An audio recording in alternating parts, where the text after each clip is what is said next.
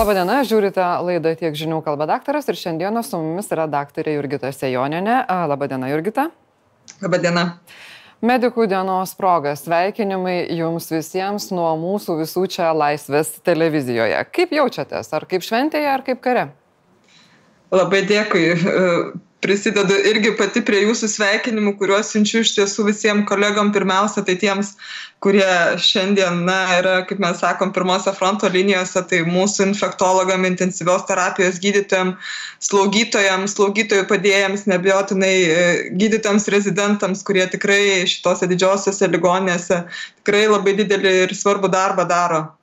Ir, na, jaučiamės iš tiesų matyt greičiau labiau kaip kare nes tikrai na kaip sako tai yra mūsų darbas ir ir ir gydytojai ir ir medikai yra pripratę prie įvairių situacijų ir prie įvairių sudėtingų ligonių ir ir infekcija ne pirma yra tokia sakykim ir ir epidemija ir pandemija. Tačiau šita infekcija tikrai yra išskirtinė išskirtinės yra darbo sąlygos kurios yra tikrai daug sudėtingesnės tiems darbuotojams kurie ypatingai ten didesnę laiko dalį praleidžia su tais covid devyniolika pacientais. Antra kad ir patys pacientai yra na kitokie. Ypatingai tie sunkūs pacientai kur tikrai jų situacija na tiesiog dramatiškai kitą kartą keičiasi paros bėgyje, staiga blogėja. Antra, kad vis tiek pats susirgymas, pati infekcija yra pakankamai jauna ir dar daug ir tų patofiziologinių dalykų yra pilnai neįvertinta, neišaiškinta, na ir tiesiog tuos pacientus dėl to yra sunkiau gydyti, nes daug kas dar yra, e, kaip mes sakome, mokslo neįrodyta, nepagrysta. Tai e, tų, tų sprendimų kitą kartą tenka ieškoti labai sudėtingai ir tikrai kolegos bendrauja su viso pasaulio e, gydytojais ir ieško, na, net menkiausios informacijos, kuri galėtų padėti tuos pacientus tinkamai gydyti, greitai suvaldyti ir, ir pasiekti gerus rezultatus. Tam, kad sėkmė lydėtų iš pradžių mūšyje, o paskui visame kare reikia na, kelių dalykų. Tai reikia strategijos, taktikos ir žinoma amunicijos. Kaip galėtumėte apibūdinti e, pasirengimą ir būseną visose šiuose sritise šiandieną? Šiuo metu manau, kad bent dėl amunicijos tikrai dauguma įstaigų yra jau pakankamai gerai pasiruošusios.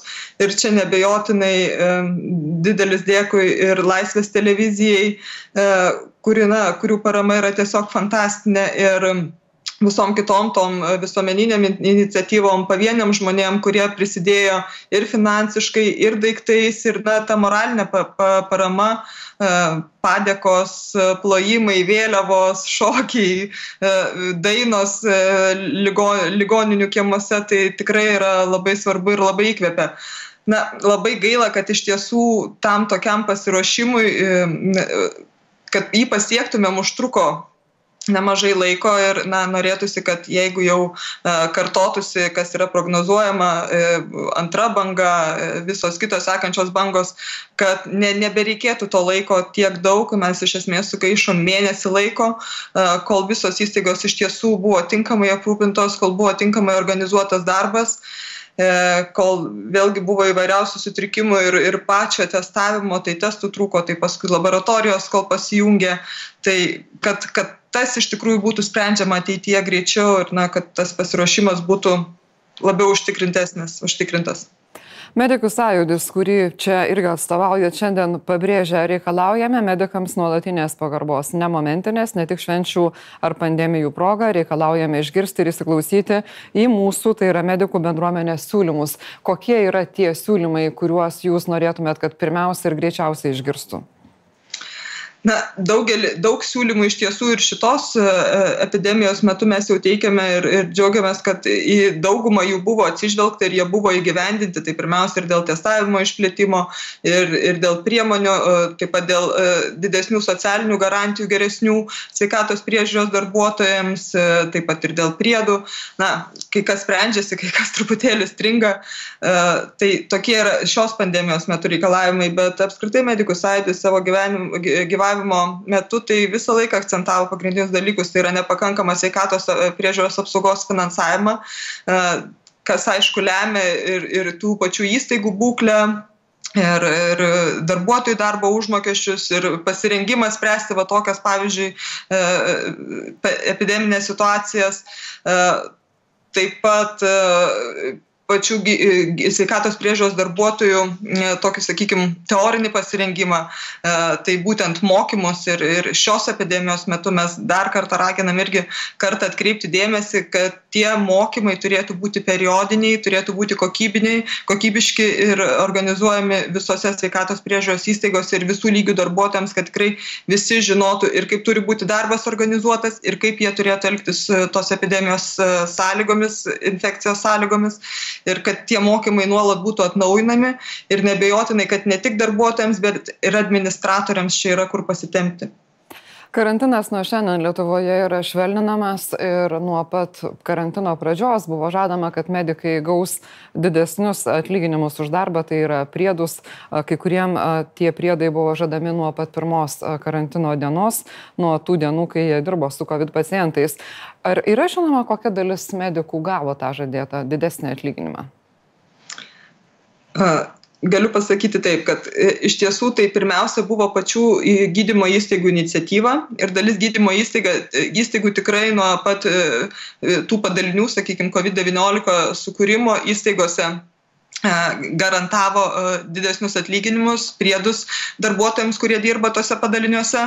Na, valstybiniu lygiu tai mes turim sprendimus, kurie yra priimti balandžio pradžioje E, pirmiausiai tai 60-100 procentų e, priedai tiems darbuotojams, kurie būtent dirba su e, COVID-19 pacientais. Tai čia tikimės, kad sprendimai galutiniai bus jau šią savaitę. Užtruko šiek tiek, o pažadas 18 procentų didesnė atlyginimai visiems sveikatos priežiūros darbuotojams nuo balandžio mėnesio, nelaukiant rugsėjo, na tai jisai kol kas niekaip nesprendžiamas, nežinom jokių sprendimų ir gydymo įstaigų vadovai irgi nežino nei kokie mechanizmai, nei kokie finansavimo šaltiniai bus, nei kada tos, e, sakykime, didesnės lėšos ir kokiu principu jos pasieks įstaigas. Jurgita, didelė problema medikams yra tai, kad didelę jų dalį atlyginimo sudaro ne tas vadinamasis pagrindinis atlyginimas, tačiau priedai, kurie, na, iš esmės visada priklauso nuo geros arba mažiau geros vadovo valios. Ar jūs matote ženklų, kad kas nors bandytų spręsti šią problemą iš esmės, o ne na, patrupinti tų pinigų priedų pavydalu, taip iš esmės negerinant socialinių garantijų medikams. Taip, tai e, tokios va, kaip e, laikinos situacijos, na vis tiek tikimės, kad e, ir, ir šita epidemija jinai bus kiek laikina, tai tie tiksliniai priedai, tai aš manau, kad yra tikrai labai svarbus ir pateisinami, o dabar ką jūs sakot dėl to bazinio atlyginimo didėjimo tai būtent tas aštuoniolika procentų didesnis darbo užmokestis tai yra to bazinio atlyginimo sąskaita bet na kol kas mes ženklų kad jis didėtų nematome Kaip Jūs komentuojate tą situaciją, kai žadama didinti atlyginimus, tačiau a, perskaičiuojant bazinės kainas už kai kurių paslaugų teikimą, a, jos, na, nutinka, kad sumažėja, net čia tarkime apie tuos brangiuosius radiologinius tyrimus kalbant. Taip, tai e, e, tokie ženklai irgi kelia nerimą, nes, sakau, mėno eina į pabaigą ir vis dar nėra numatyti nei šaltiniai, nei tvarka, kaip tie 18 e, procentų didesni atlyginimai medikus turėtų pasiekti. Antra, kad tikrai tas įkainių klausimas, pavyzdžiui, radiologijos įkainiai, kurie tikrai diagnostinės paslaugos tikrai didelį dalį sudaro ir ambulatorinių, ir stacionarinių specializuotų sveikatos priežiūros paslaugų, jų įkainiai šiuo metu, na, tarsi ir, ir nemažėja, tačiau tas laikinas kompensacinis balas, jisai kelia didelį nerimą ir, na, kaip taisyklė, paprastai tie e, situacija rodo, kad tie įkainiai na, taip ir nepadidėja ir, ir, galėtų netgi sumažėti. Tai iš tiesų didelis nerimas yra, kaip, kaip toliau gyvensim ir, ir kuo, e, e, kaip reikės mokėti tuos didesnius atlyginimus, jeigu paslaugų įkainiai liks tokie patys arba netgi mažesni. Dar viena nevienareikšmiškai vertinama situacijos a, pozicija yra tokia, kad švelninant karantiną atnaujinama kai kurių kultūros įstaigų veikla, na, bibliotekų muziejų, a, leidžiama veikti kavinėms su tam tikrai žinoma apribojimais, kurie vis tiek yra karantininiai. Tačiau planinė medicinos pagalba nėra teikiama ir nuo to kenčia žinoma ir pacientai, bet taip pat ir medikai. Kaip vertinat tokią padėtį?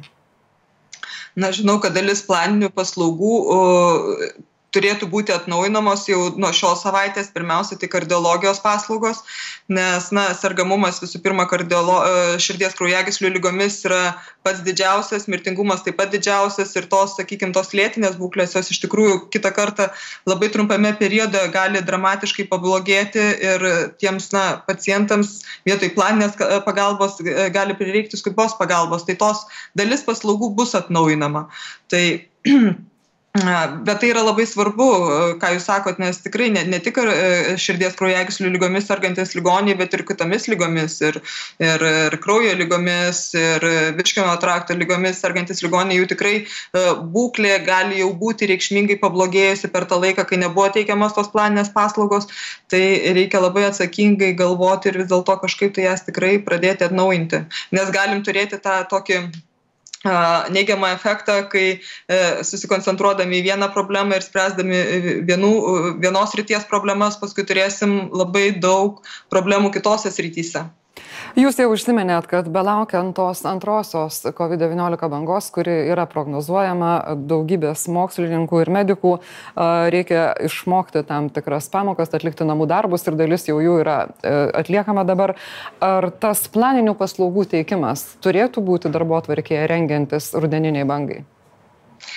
Nebejotinai daug darbų turėtų būti. Turim ruoštis ne tik atnaujinti dalį paslaugų, bet ir galvoti, kaip paskui vėl grįžti į tokį, sakykime, karantino režimą, na, apri, apribojimų režimą.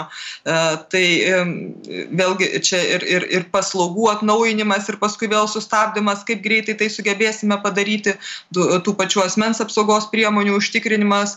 Vėlgi matėm daug trūkumų yra ligonių darbo organizavime, kad tos problemos būtų išspręstos, ką jau minėjau, darbuotojų ir administratorių e, mokymai, kaip organizuoti darbą ir kad visi žinotų, kaip tomis e, epidemijos sąlygomis elgtis. Tai e, vėlgi politikams labai daug iššūkių bus kaip vėlgi organizuoti visuomenės darbą, nes na aišku, kad tas toksai griežtas karantinas jo negalėsi taikyti e, kelis kartus per metus ir matyt, kad reikės priimti sprendimus, na tokius e, mažiau švelnius, matyt labiau orientuotus į būtent į didesnės rizikos gyventojų grupės. Vėlgi turim nebejotinai pradėti epidemiologinius tyrimus, išsiaiškinti, kokia šiai dienai jau yra situacija Lietuvoje ir prognozuoti, kaip jinai vėlgi gali keistis. Tai yra labai labai daug darbų, kurie, kurių dalis yra padaryta, bet nebejotinai dar labai daug reikia padaryti.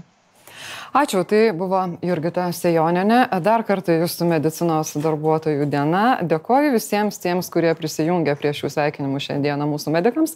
Dėkoju tiems, kurie savo paramą leido ir Laisvės televizijai pasijusti visos šitos didelės, norinčios padėti ir galinčios padėti bendruomenės dalimi.